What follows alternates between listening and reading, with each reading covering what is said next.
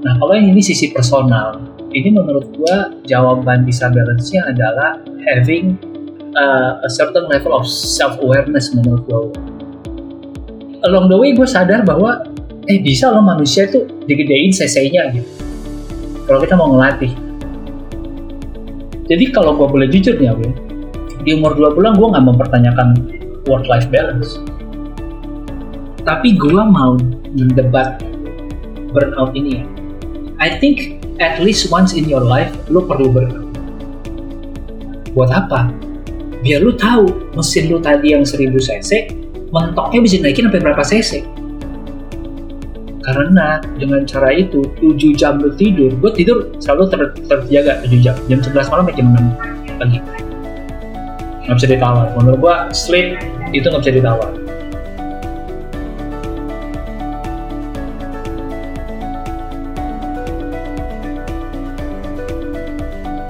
Halo semuanya, selamat datang lagi di podcast Sehat Seutuhnya season yang kedua bersama saya Willy Yonas. Di episode kali ini kita akan ngobrolin soal work-life balance. Kayaknya ini banyak banget nih anak-anak muda yang struggling soal ini gitu kan. Mau lihat di Twitter, di Instagram, banyak banget juga yang concern atau ngangkat topik ini. Dan ini mau nggak mau ya ini berkaitan banget nih sama kesehatan kita karena datanya juga udah banyak orang-orang yang kerja-kerja mulu gitu kan, tidurnya kurang, olahraganya kurang, ya resiko terhadap penyakit kronis khususnya itu juga bisa meningkat. Nah, untuk ngobrolin ini, kita sudah kedatangan Ko Alexandro Ruby, seorang content creator di YouTube. Uh, itu ada di Alexandro, nama YouTube channelnya. Udah gitu, host dari 30 Days of Lunch podcast buat teman-teman yang belum tahu atau udah tahu bisa dengerin bagus banget kontennya. Aku sudah menikmati itu dari awal. Terus kayaknya juga ini ada perusahaan mentor gue, terus juga sempat kayaknya ada perusahaan tentang food fotografi, hmm. terus juga writer atau penulis juga uh, salah satu buku yang bestseller judulnya You Do You. Mungkin nanti akan dijelasin lebih lanjut. Hmm. Pokoknya banyak belajar banget dari Kof Alexander Ruby dan dari orang yang sibuk kayak gini pengen banget belajar langsung gimana nih work life balance-nya gitu kan. Hmm, hmm. So please welcome Kof Alexander Ruby. Hi Willy. Thanks for having me ya. Halo. Thank you Ruby sudah bersedia untuk diundang ke podcast Sehat Sutunya nih. Sama-sama, senang juga. Semoga apa yang gue share bisa bermanfaat buat teman-teman ya. Yes, benar. Korubi ini kayaknya baru balik dari US juga pas kita lagi rekaman ini. Ini masih jet lag atau gimana nih kok? Iya, yes, semalam tuh gua expect gua uh, udah akan balik normal. Tapi ternyata uh, meleset. Jam 3 sore udah mau selesai kerja, uh, gua tutup laptop bentar, gua pikir gua mau istirahat, uh, nonton somethingnya ringan. Eh, 10 menit nonton ketiduran sampai jam 12 malam. Gagal langsung ya. Gagal langsung. Wah kacau. Harusnya kan ya minimal jam 8 jam 9 malam tidur lah ya biar balik normal. Itu ternyata ya. udah apa-apa malam ini baru kita kejar beresin. Tapi nggak apa-apa kok, ini seger kok. Oke oke, thank you banget nih Korubi udah uh, bersedia diundang dan pengen dong ceritain mungkin tadi aku baru mention sedikit nih kesibukan Korubi yeah. beberapa yeah. gitu ya. Tapi pengen tahu nih gitu, kayaknya banyak banget sih yang dikerjain Korubi gitu. Ini kesibukannya ngapain aja sih kok? Yes, jadi uh, masih dengan menjalani bisnis itu uh, yang pertama. Uh, jadi ada aplikasi mentor gue itu adalah uh, aplikasi yang isinya audiobook. Ada sekitar 300 audiobook uh, dalam bahasa Indonesia uh, yang sudah dirangkum. Jadi tinggal 15 menit beres tuh satu buku dia dapat main insights. Wow Kemudian juga ada uh, HR consulting, kita banyak uh, bantu training and development buat perusahaan-perusahaan, salah satu klien besar yang kita bantu kemudian dalam Bank Indonesia untuk kondisi motivasi kita. Lalu hmm. yang ketiga juga uh, ada digital agency. Uh, cuman cuman nih ya teman-teman jangan langsung jiper gitu kayak, wih gila luar biasa nih, superhuman ini orang. No no no no. Yeah. There is no superhuman, yang ada super team. Jadi hmm. the reason gue bisa ngelakuin begitu banyak adalah karena satu gue juga team build the system yang baik yang kedua kenapa bisa kerjain begitu banyak? Gue tambahin ya tadi kan sebagai pengusaha sebagai podcaster juga dia udah jalan uh, itu sampingan di di luar tiga perusahaan itu tadi? Iya dua tiga perusahaan itu kan gue juga bikin podcast nih ya kan? Uh, total udah 90 episode sekarang berjalan tiga tahun. Lalu nulis buku thank God uh, udah lebih dari 30 ribu uh, pembaca uh, yang baca Hmm. bukunya uh, banyak yang dapat manfaat. Terus uh, juga ya sesekali bikin YouTube lah. YouTube baru setahun terakhir. Nah kalau tadi bisnis itu meng- apa namanya ya gue berterima kasih sama support team. Nah kalau yang ini sisi personal ini menurut gue jawaban bisa balance-nya adalah having uh, a certain level of self awareness menurut gue Oke. Itu itu kayak kayak gimana tuh kok certain self awarenessnya? self awareness itu mungkin bahasa kerennya untuk kita paham diri kenal diri Oke. paham diri kenal diri itu sesimpel gini lo tahu nggak badan lu itu pikiran lu itu uh, paling kreatif atau paling produktif tuh kalau bekerja di jam berapa Hmm. misal gitu kan karena ketika lu tahu itu lu akan sebisa mungkin memprotek jam itu untuk pekerjaan yang paling matters dalam hidup lu yang paling kasih Hmm. efek atau result yang paling impact yang paling gede ke goal besar dalam hidup lu ya nggak Hmm. lu nggak mau waktu lu misalkan lu kayak gue nih gue jam 8 sampai jam 12 siang itu udah gue lock gue bilang ke PA gue Hmm. nobody is allowed to enter my sacred hours gitu Oke right? oke. Nah makanya kita hari ini rekamannya jam 1 kan? Ya benar benar. Berarti 8 sampai 12 itu sacred hour ya. sacred hours karena gue tahu itu like my most productive hours gitu. Yang gue pakai buat hal-hal yang memang paling banyak butuh kapasitas otak. Kan sayang kalau jam produktivitas kita pakai buat apa? Scrolling Instagram mungkin atau ngebalesin WA yang sebenarnya cuma butuh kapasitas otak yang yang rendah gitu. Yang Hmm. kecil gitu. Nah, jadi itu yang pertama yang kedua adalah menyadari kayak ibarat mobil nih ya Hmm. lo tuh sekarang mobil berapa cc gitu Hmm. mesinnya Gitu. bisa jadi ada orang yang gua gua nggak diberkati dengan cc yang besar dari waktu gua lahir Right? karena Hmm. eh, menurut gua eh, gua cukup introvert terus gua nggak dibesarkan di lingkungan yang terlalu eh, bekerja kerasnya sampai eh mas bukan bekerja keras yang yang kayak pengusaha yang super sibuk yang super sukses dan punya berapa banyak bisnis gitu Hmm. enggak jadi gue lahir dengan kapasitas 1000 cc ibaratnya gitu ya ini mobil Oke. eh, inilah eh, Daihatsu Alia lah gitu ya Ya. tapi along the way gue sadar bahwa eh bisa loh manusia itu digedein cc-nya gitu kalau kita mau ngelatih Hmm. Akhirnya gue bisa bilang mungkin gue sekarang udah masuk kayak mobil 2500 cc. Secara kapasitas. Dari yang mungkin Yes. tadinya 1000 gitu. 1000 gitu ya kan? Em, ya sekarang Mazda CX-5 lah gitu. Ya yang ada turbonya juga gitu. Ya nggak? Ngerti ya? Mantap ya? Nah, jadi Ya ya ya. dengan itu kita jadi sadar bahwa oh gua yang tadinya mungkin kerja 8 jam atau 9 jam 9 to 5 kayak orang kantoran itu gua udah Hmm. udah capek tapi sekarang Ya. lu suruh gua untuk 12 jam buat gua normal Wow, berarti ini benar-benar sesuatu yang bisa dilatih ya? ya bener Pri. gitu tapi sekali lagi self awareness lu mau nggak melatih diri lu untuk ya tadi mas CC lu menjaga Oke. uh, productive hours lu manage your energy plus Hmm. menyadari bahwa ini bagian dari self awareness. Kalau lu banyak maunya, ya lu harus banyak nyediain waktunya dong. Iya, Ya, benar. nggak nggak bisa lu banyak maunya tapi ya gue tetap mau kayak orang biasa jam kerjanya. Iya, iya, iya. Bisa sih. Kalau duit lu banyak, lu suruh bayar orang semuanya yang ngerjain, ya kan? Tapi kan you lose the fun of it. Gitu. Hmm. Kayak misalkan gue Nah, ini ya pengen pengen nanya dulu nih kok. Kok Ruby bisa sadar sampai punya self awareness ini itu di usia berapa kok? Apakah misalnya dari early 20s itu udah sadar? Ya. Atau gimana di self discovery-nya tuh? itu pasti berproses ya, Will. Tentunya gue di awal-awal juga, ya like many 20 something lah. Kita semua clueless lagi waktu lulus kuliah tuh. Iya, iya, iya benar. Kita cuman, ya udah ada pintu apa hajar dulu aja masuk dulu. Pintu ini kebuka cobain. Pintu ini kebuka cobain gitu kan. Hmm. Apalagi waktu gue lulus itu 2007-2008, YouTube itu baru lahir, Facebook baru lahir. ya kan? Hmm. Eh, sehingga informasi nggak seperti sekarang mudah untuk dicari. Hmm. Dulu caranya lu untuk tahu sesuatu adalah nyobain, bener-bener terjun. Sekarang lu mau tahu sesuatu lu bisa cari aja di YouTube. A day in a life of a I don't know movie producer muncul langsung lu kebayang?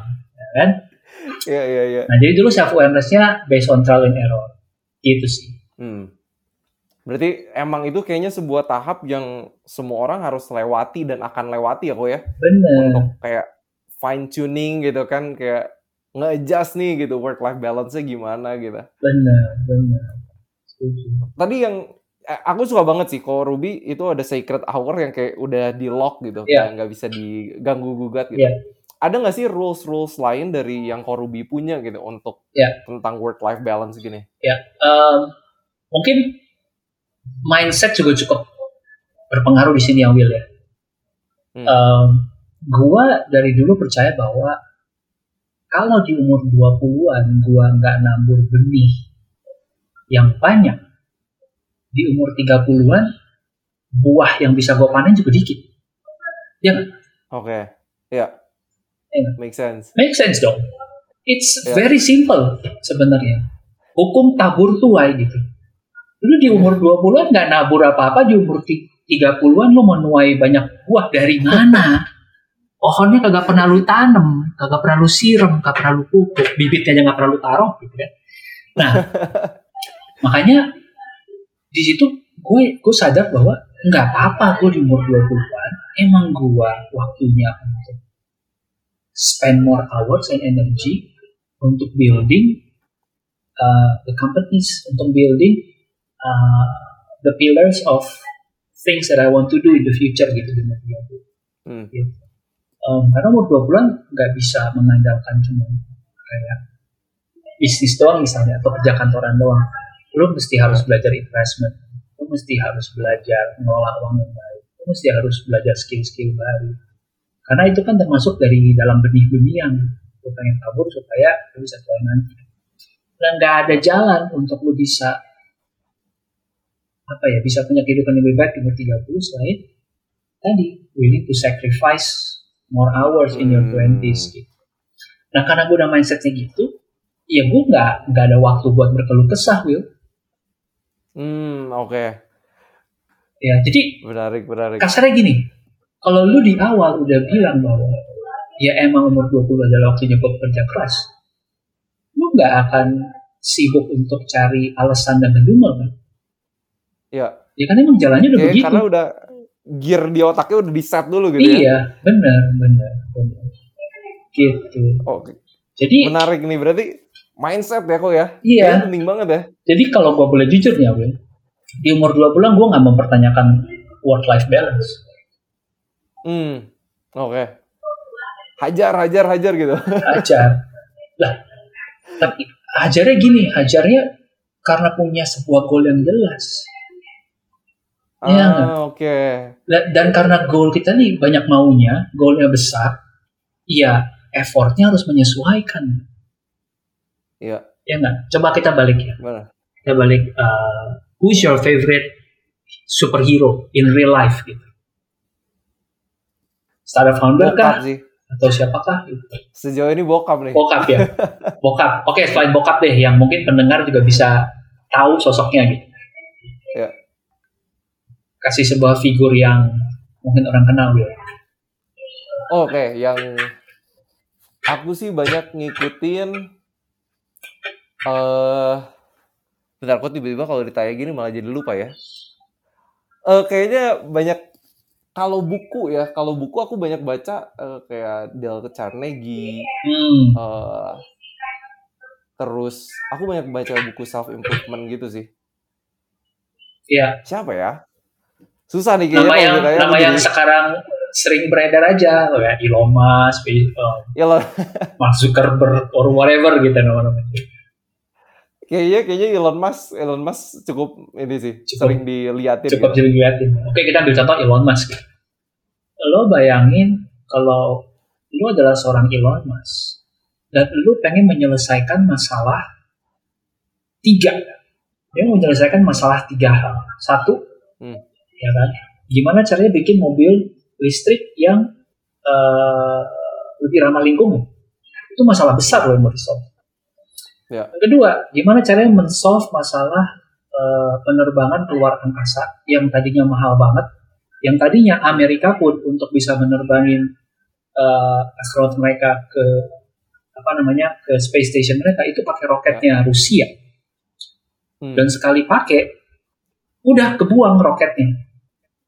Ya kan? Hmm. itu masalah besar yang pengen biasa dan yang ketiga dia pengen menyelesaikan masalah kemacetan. Ya dia bikin the boring company dia bikin tunnel supaya orang nggak lewat jalan raya orang pakai tunnel hmm. gila tiga masalah besar manusia dalam hidup mau di solve sama satu orang ini kira-kira working 9 to 5 cukup gak?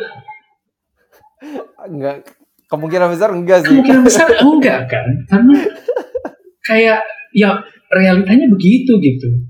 Ya kan? Hmm. Tapi menariknya adalah manusia sekarang punya pilihan. Hmm. Hanya gue kembali ke self awareness. Kalau lu sadar, hmm. ya ya ya sih gue gue nggak pengen juga nggak kayak Elon Musk nggak usah deh gue seper seribunya Elon Musk aja gue udah happy kan? Iya iya iya. Ya kan? Oh ya udah.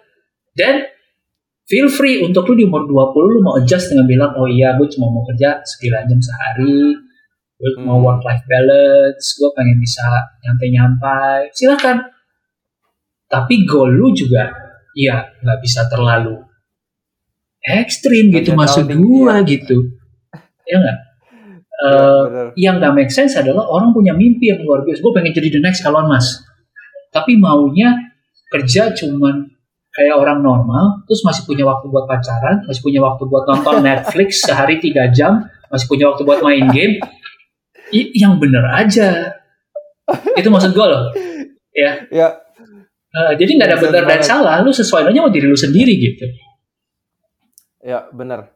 Nah kok pengen nanya dari pengalaman Korubi gitu ya. Mungkin di umur 20-an kayak tabur, tabur, tabur karena Korubi udah set goal yeah. itu gitu ya tapi pernah nggak sih ada titik di mana kayak ngerasa wah gila burnout banget gitu definitely wah, gila, kayak capek banget nah itu gimana tuh kalau boleh diceritain dikit tuh definitely tapi gue mau mendebat burnout ini ya I think okay. at least once in your life lu perlu burnout hmm.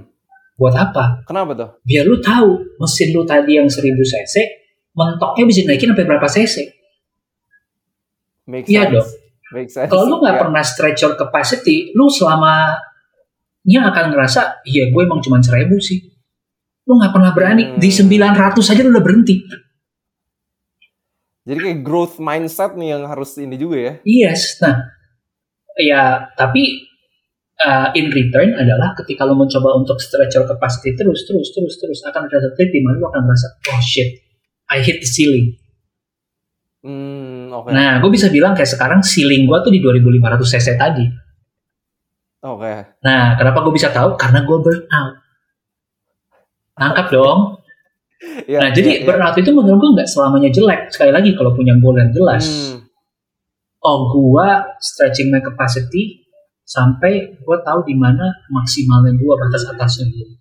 Nah, ketika burnout, then you know that's a that's the universe or your body giving you the signal that oke okay, Rup, kayaknya lu emang 2500 cc gitu ya wow itu bener sih setuju banget uh, ya karena kebetulan kan sekarang kayaknya lagi rame juga kok ya kayaknya yeah. dikit-dikit healing ya. dikit-dikit staycation yeah. gitu kan um, Iya, tapi kita perlu ya ngenalin tubuh kita kayak self awareness itu yeah. kita bisa sampai batas mana, jadi kita bisa pushnya sampai sampai titik mana gitu. Betul. Nah ini kalau dari Korubi sendiri gitu ya, hmm. ya, kayaknya uh, yang aku pengen tanyain selanjutnya adalah soal manajemen waktu gitu. Hmm. Hmm. Karena ini kayaknya related banget gitu kan. Udah punya goal yang jelas, yeah. udah gitu manage waktunya gimana nih kok selain yang tadi 8 to 12 itu ya. Yeah. Supaya bener-bener kekejar nih semua yang Korubi pengen tabur di usia 20-an gitu dulu. Hmm. Hmm. Uh, manage waktunya. Uh, apa adanya ya, Will aku cerita ya. Ya. Uh, jujur di waktu mau 20-an awal, gua nggak punya time management yang terlalu baik. Gitu. Hmm. Karena lima tahun pertama dalam karir gue itu gue kerja kantoran. Jadi ya, Oke. ya gue ngikut jam kantor aja gitu. Alright. Nah, tapi eh, di tahun ketiga gue kerja itu gue mulai merasa kayaknya gue mesti belajar sesuatu yang baru nih. Kalau enggak hidup gue jadi gini aja. Nah, Hmm. menurut gue one of the best time management yang gue lakukan waktu itu adalah eh, mulai berhitung berapa banyak waktu kosong yang gue punya dalam setahun. Hmm. Nah, gue makanya punya the next rule nih ya. Oke. 128 per 365. 128 per 365 Iya. 365 nya udah tau lah ya. Itu jumlah hari Iya. dalam setahun. setahun. 128 itu adalah jumlah hari libur dalam setahun. Termasuk Sabtu Minggu, tanggal merah, cuti bersama, libur nasional. That's a lot. Exactly. exactly. Itu banyak banget sih. Ya, bener kan? Nah, jadi maksud gue gini, lu udah di umur 20, ya kan? Waktu lu masih banyak kan Ya. nganggur. Ya, Sabtu Minggu lu definitely ya, Sabtu Minggu yang lu pakai buat whatever lah. Nggak akan kerja definitely. Ya kan? Nah, terus ya lu kemungkinan besar belum berkeluarga, nggak punya tanggungan. Ya, mungkin juga cicilan belum ada. Terus waktu lu buat apa? Ya. udah kagak punya duit, masih berjuang, yang lu punya cuma apa di umur 20? Isi kepala lu, skill lu, sama waktu lu kan? Ya, Ya, kalau waktu lu lu nggak pakai dengan baik, sayang dong. Udah itu satu-satunya yang lu punya kan? Nah, jadi Bener. menurut gua time management gua waktu itu adalah menyadari 128 365. Dan gua kayaknya nggak mau 128 128 per 365 itu sepertiga dari hidup kita loh per tahun. Ya. gue nggak mau seperti Libur hidup gue ternyata. iya ternyata libur ya enggak nah gue juga Gila, gila. nah waktu itu gue sadar ya gue tetap butuh istirahat gue tetap butuh have fun gue tetap butuh hangout tetap butuh pertemanan Hmm. tetap butuh olahraga tapi gimana caranya supaya ya nggak sampai 128 semuanya buat main doang gitu Iya. ya kan colong aja deh sedikit colong aja 128 ngambil ya 20 persennya deh Hmm. 28 20 persennya itu tetap berapa tuh 25 hari Ya. ya kan bisa lu pakai terserah 25 hari itu mau belajar apa pun gitu. mau kerja sampingan apa pun mau side hustle apa pun gitu. Nah waktu itu gua ekstrim Um, sekarang gue punya goal keuangan yang jelas gue pengen capai lebih cepat gue side hustle cari kerjaan tambahan di hari Sabtu Hmm, oke. jadi bisa dibilang oh, 128 gue berkurang 52 Berkurang 52. karena Sabtunya Iya. kepake Iya. masih tetap cengli gue masih punya 70 sekian Iya. gitu kan Masih lumayan banyak tuh. masih lumayan banyak gitu jadi gue itu satu yang pertama kalau bicara time management Hmm. Uh, dalam dalam gambar besar ya yang kedua Ya. time management yang menurut gue akhirnya nih along the way setelah masuk usia 25 ke atas gue mulai lebih sadar gue mulai paham konsep productivity gue mulai baca buku Hmm. kayak getting things done uh, uh, gue mulai explore lebih dalam lagi soal uh, self development di situ gue mulai sadar um, tadi soal jam produktif gitu Hmm. Uh, di luar itu ya tapi sekarang yang bicara di luar itu yang gue lakukan adalah gue anaknya seneng banget create system itu yang ketiga Ah, oke. Oke. create system kayak gini uh, gue mencari cara di mana dalam keseharian gue yang sifatnya repetitif yang sifat yang Hmm. sifatnya pengulangan yang bisa gue cut dan gue gue bisa solve pakai sistem. Hmm. misalnya gini. Contohnya apa tuh kok? misalnya gini. Dulu gua eh, dulu gua waktu jualan ya the first five year of my career sebagai sales eh, banyak orang yang eh, colek-colek cari tahu tanya tentang barang segala macam. Pertanyaan selalu sama di awal-awal. Pak barang ini available apa enggak? Harganya berapa? Hmm. Daripada gue capek-capek, ya kan? Semua stok yang gue punya, gue taruh di website. Oke. Dan zaman dulu di, nih baca gitu. iya iya, jadi gue tinggal kasih link nih baca. Iya, iya. Kalau lu masih nggak jelas, itu semua spek, semua foto, semua itu udah di sana. Iya? Gitu. Ya kan? kalau lu masih nggak jelas, silahkan tanya. Tapi kalau udah jelas ya udah, tinggal lu mau beli apa enggak. gitu. Ya, capek kan? Capek di awal. Apalagi waktu itu 2007, 2008, 2008, 2009. Kita bicara website itu bukan sesuatu yang umum. Hmm, Ya. Iya, benar-benar. Orang aja beriklan masih di koran loh waktu itu loh. Jualan mobil masih pakai, tau gak sih? Yang di pos kota itu eh, iklan baris, Iya, iya tahu tahu tahu. ya kan? Eh, nah, itu waktu gue bikin website, gue sampai ajuin ke bos gue, bos gue aja menolak untuk bayarin. Really? Jadi gue bayar sendiri, Wow, supaya bisa shortcut. so bisa shortcut itu. Waktu. Exactly. Sekaligus gue bisa pakai strategi SEO, search engine optimization. Jadi Hmm. nama gua dan website gua muncul di halaman pertama pencarian Google. Gitu. Wow. Gila itu balik di 2007-2008 aku ya. Iya, gitu. Nah, sampai sekarang nih ya, gua bisa gua berani challenge kalau teman-teman ada yang iseng. Cari aja kata kunci eh crane bekas ex Jepang. Nah, crane, crane C R A N E bekas ex Jepang. Search, lalu masuk ke Google Image-nya. Aha. Ada nggak foto crane yang muncul tuh di dalamnya ada nomor telepon namanya Ruby. Gila Ruby semua ini kok. Ya? Nah. Itu 2007 loh, 2008 loh. Sekarang 2022, men.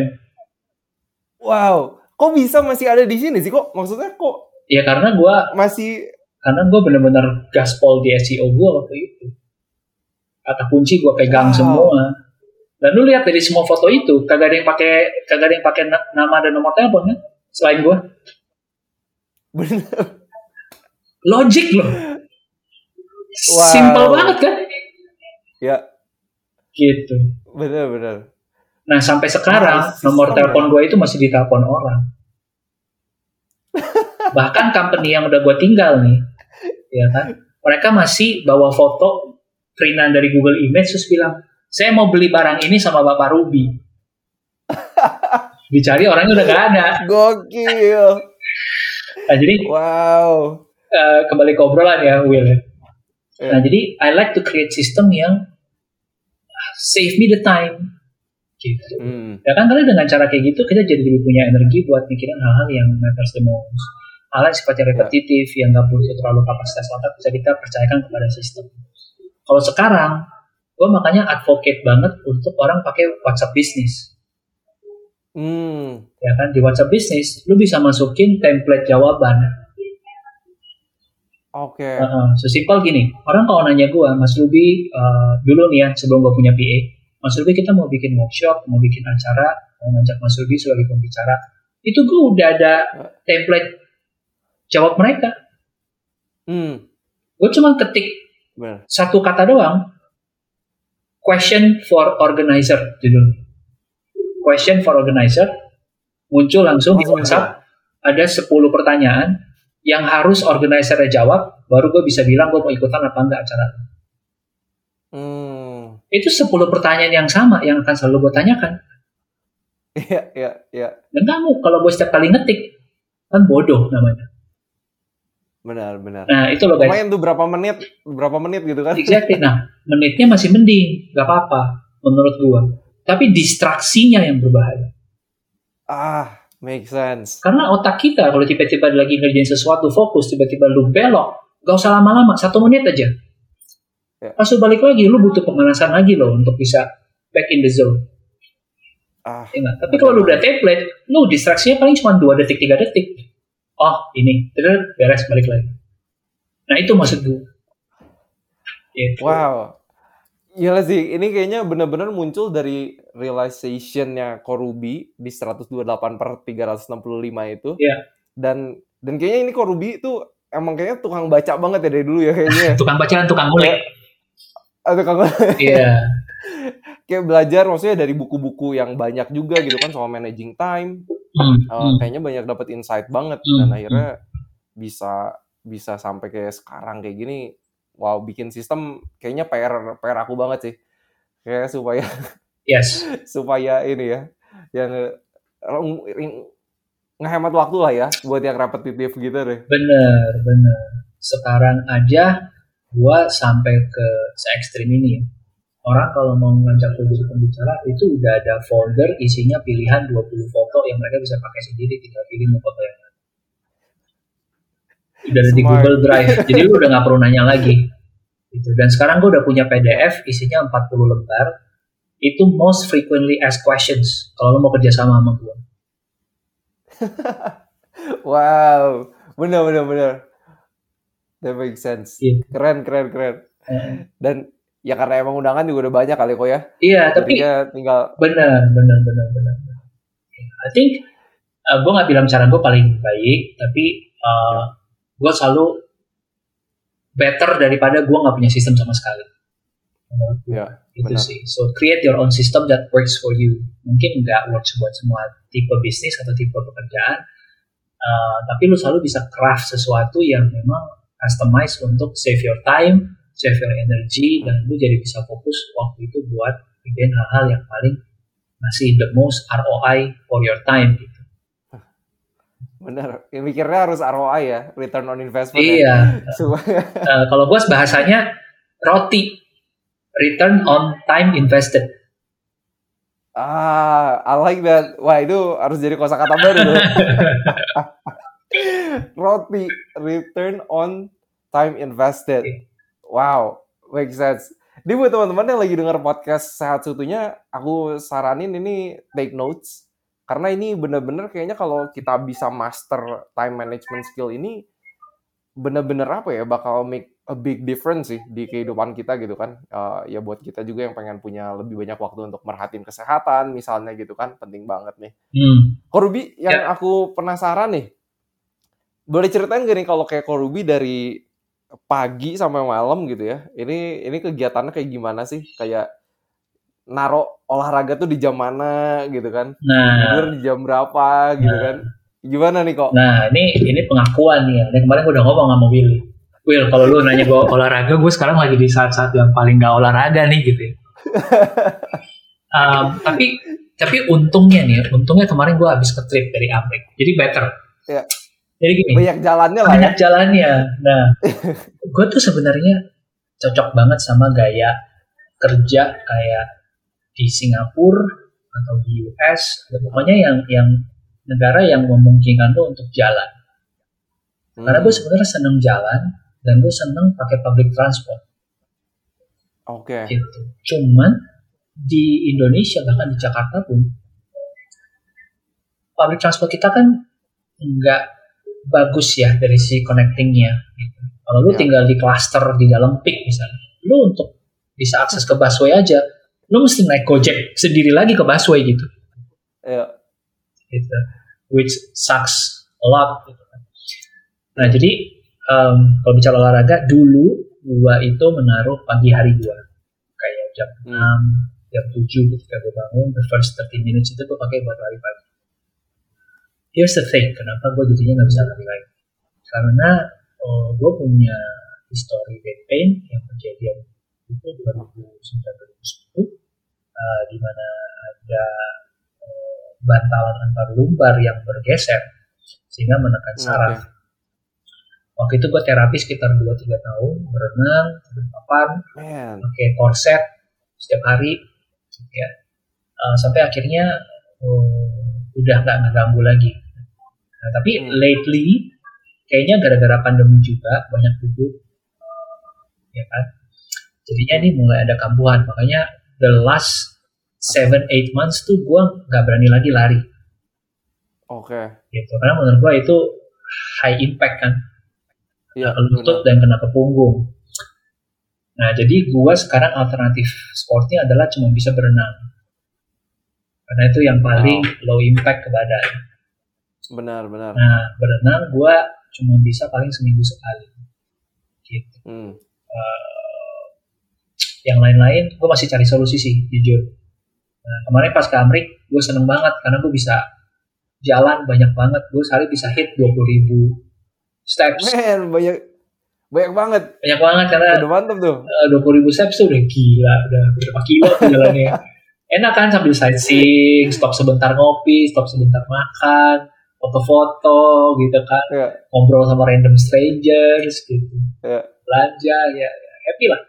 Uh, jadi pas balik ini langsung berasa dari dua puluh ribu step jadi dua ribu step Di rumah doang gitu. rumah doang. Ya, so um, I I really want to get back on track. Uh, kalau ada Hmm. pendengar setuhnya yang uh, backgroundnya adalah coach yang biasa nanganin orang yang punya history back pain yang bisa kasih gue solusi I want to build muscle uh, karena muscle gue gue anggap kayak muscle-nya dikit banget sehingga gue Hmm. kalau berat badan tuh suka naik turunnya gila gitu ya Oh. gitu. Um, uh, terus gue juga ngerasa strength gue juga makin berkurang semenjak pandemi jadi I really want to get back on Hmm. track tapi nggak punya coach yang tepat Ya. karena gue takut gue salah gerak gue makin cedera malah makin parah jadi gue sementara Iya, ya udah berenang dulu aja deh seminggu sekali gitu ya Berenang berenang safe banget sih. hmm. Berenang cuman ya struggle itu kayaknya nyetir ke tempatnya ganti baju Iya. udah gitu. iya exactly Kecuali kalau tinggal di apartemen lah ya. Kalau tinggal di apartemen kan nah lumayan lah gitu. betul dan gini karena kita masih di tengah pandemi kan lu parno ya Iya. kalau lu berenang terus kayak ada 10 orang lain ya eh, ya udah deh ntar aja deh gitu kan jadinya Iya sih. you can only swim at places yang lu tahu ini sepi banget dan di jam-jam yang aneh gitu Bener. Kayaknya berenangnya harus di jam 11 siang. Iya, gitu kan. yang kayak nggak ada orang yang kulitnya kebakar gitu kan. Tapi nggak bisa ya, itu di jam produktifnya Korubi ya. Iya makanya. Atau kalau nggak apa orang lagi buka puasa kali ya terus kita berenang gitu. Tapi kan udah gelap malam dingin gitu. Bener bener bener bener. Jadi serba salah sih. Kalau dari Hmm. kalau dari segi jam tidur nih kok, itu Korubi punya rules rules tersendiri gak nih? gua sehat banget kalau bisa tidur. Hmm. Nah ini eh, menurut gua tidur nih ya, ini teman-teman very good question karena gua belum pernah ditanya soal ini. Gua terinspirasi sama seorang teman ya bilang manusia tuh lucu. Risetnya kan kita tidur minimal 7 jam ya, sehari. Ya. Ya, berarti kalau 24 jam ya sekitar sepertiga juga dari hidup kita. Ya, itu kita pakai buat tidur. Tapi kalau lu tanya orang mereka pakai kasur apa atau spring bed apa, rata-rata mereka carinya yang paling murah. Make sense. Bener bener bener. Aneh kan? Ya. Aneh. Harusnya lu cari kasur yang paling bagus. Mahal sedikit nggak apa-apa, tapi tidur lu bagus. Ya. Kan sepertiga hidup lu di sana. Bener bener bener. Nah, di situlah ini another insight lagi nih selain 12835 ya. Justru kalau lu punya duit lebih, investasilah di kasur yang bagus. Hmm. Karena dengan cara itu 7 jam lu tidur, gue tidur selalu ter terjaga 7 jam. Jam 11 malam sampai jam 6 pagi. Hmm, oke. Ya, tapi 7 Udah jam rutinitas tuh udah, udah otomatis. udah gitu. otomatis. Bahkan nggak perlu pakai alarm pun jam 6 gue melek. Selama jendela nggak ditutup dan matahari ada. Jadi Oke. alarm gue tuh alarm cahaya. Iya, jangan jangan pakai yang blackout Ya, ya. yang pakai blackout jadi uh, gordennya gitu. Nah, tapi 7 jam itu gue bisa bilang 7 jam yang very very productive sleep karena I invest on a really really good bed Hmm. gitu and a really really good pillow Make sense. gitu. Wah, berarti kalau soal jam tidur nggak khawatir. Nggak ya? ada nggak bisa ditawar itu, nggak bisa ditawar. Menurut gua sleep itu nggak bisa ditawar. Jadi kalau Korubi kayak misalnya apakah tipikal orang yang kayak bisa survive kalau kurang tidur atau kalau udah kurang tidur tuh wah mikir udah jadi nggak benar Nggak bisa. gitu gimana kok? Gua kalau nggak tidur gua nggak bisa. Mungkin satu dua malam gua masih bisa function well gitu ya. Kayak tidur Ya. cuma dua jam tiga jam gitu ya. Gua pernah lah ngelewatin masa-masa itu. Dulu gua side hustle-nya eh, yang tadi gue cerita Sabtu Minggu itu gua jadi tim WO wedding organizer. Oh, Eh, oke. Jam 3 pagi udah di rumah bridesmaid nemenin makeup. Berarti di rumah Iya, gue udah iya, jam iya. 2 jalan dong. Ya kan? Iya. Nah, kayak gitu-gitu masih bisa lah semalam besokannya gue bayar dengan tidur yang lebih banyak tapi sekarang gue percaya sleep is really important in your productivity jadi gue jaga Hmm. banget juga Wah itu harus ya karena ya aku juga sempat sih ada ketemu beberapa temen yang kayaknya ya di umur 20 pengen nabur nabur nabur hajar tapi nggak merhatiin tidur gitu kan. Hmm. Terus ya ya who knows lah ya maksudnya di usia 30 mungkin tekanan darah udah mulai naik Iya, gitu kan. iya, apa gain weight juga lagi Iya. kan wah kayaknya Iya. ini kayaknya bisa masalah banget gitu ketika kita Iya. ya kurang memperhatikan si balance-nya Hmm. eh di umur 30 di mana kita pengen nabur eh pengen Mulai. mulai gitu kan Hmm. eh malah nggak bisa Menikmati. menikmati dengan maksimal gitu Benar, itu Korubi ini ada tips lagi nggak nih kok supaya kita ini anak-anak muda punya work life balance yang yang oke nih kalau gue ngerasa gini sih eh, nggak usah terlalu dengerin versi work balance life work life balance nya orang lain karena hmm. work life balance nya dia sama lo kemungkinan besar juga beda Ya. kan? Nah, tapi gini deh Will lo punya teman misalkan perempuan lo tadi kan 97 ya Ya. sekarang 25 kan Iya. sekarang nggak nggak nggak janggal lah kalau perempuan umur 25 udah menikah terus punya anak satu Ya. right kalau lu bandingkan work life balance lu sama teman lu yang perempuan punya anak satu definitely udah beda banget dinamikanya juga udah beda banget ya. exactly gitu kan right? nah begitu juga mereka yang yang udah punya anak satu cewek ya dan masih mau masih mau punya pekerjaan yang Hmm. stabil di kantor pasti cara dia untuk manage work life balance juga beda sama kita yang hmm. gitu. Nah, Jadi menurut gua kalau kita mau benchmarking, kita benchmarking sama orang yang memang dekat banget sama profesi kita, dekat banget sama pilihan karir kita, dekat banget sama goalnya pun juga mirip gitu. Ya? Tadi kita udah bahas gitu.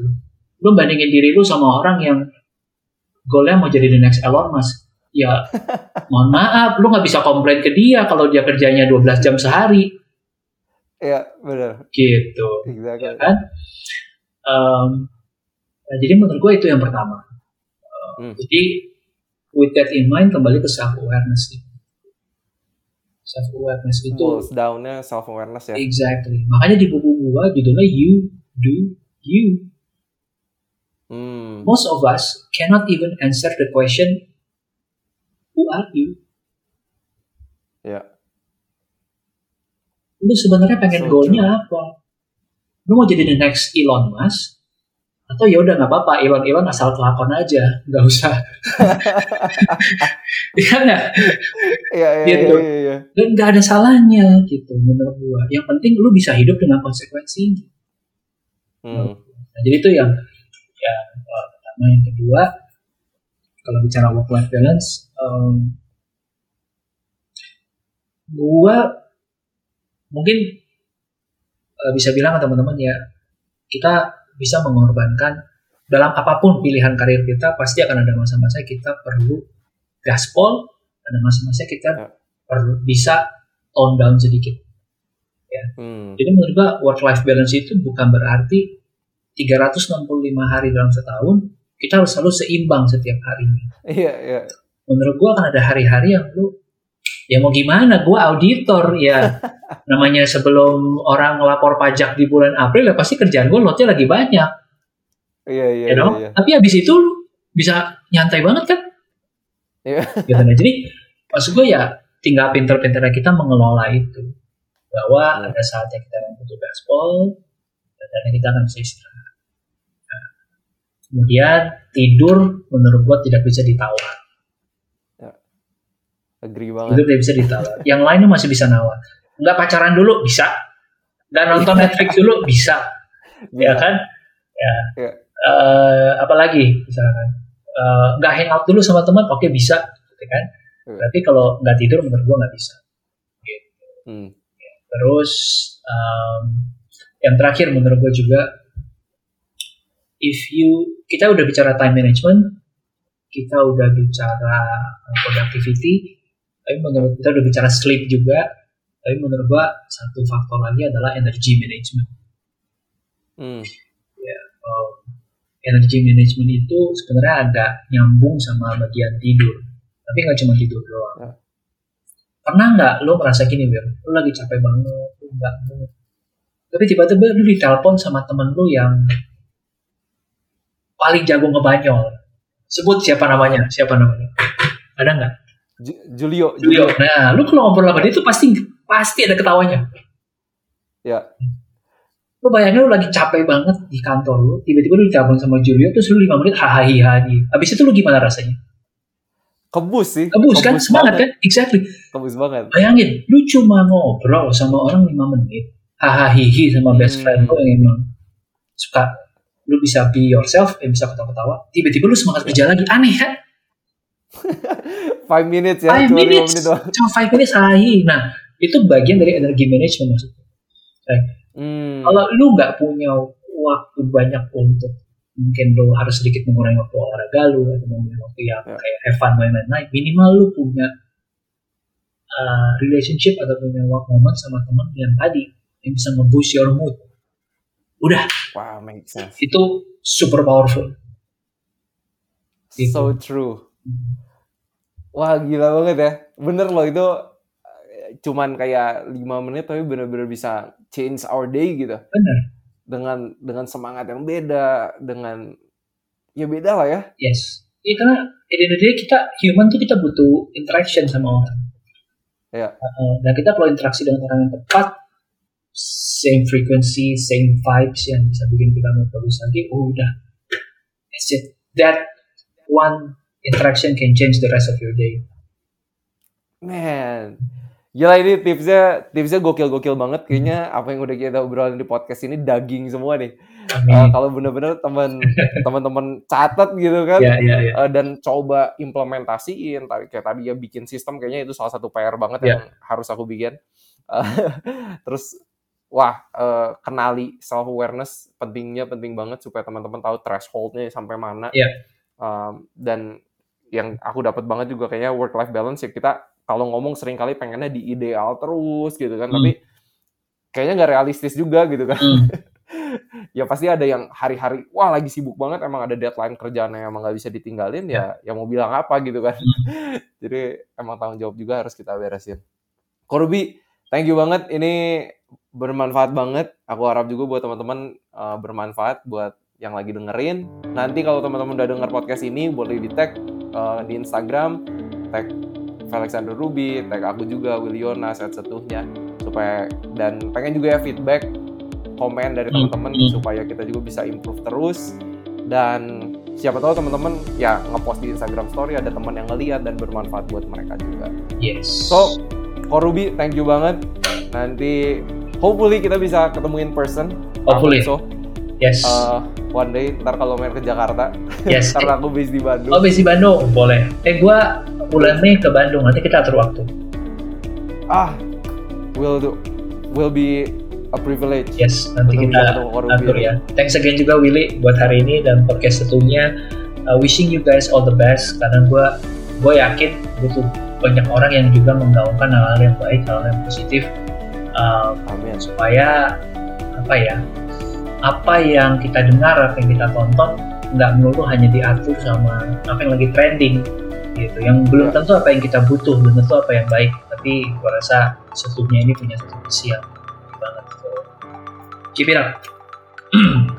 Thank you, thank you so much Korubi. Kalau gitu, harapan saya seperti biasa, semoga kita sehat seutuhnya.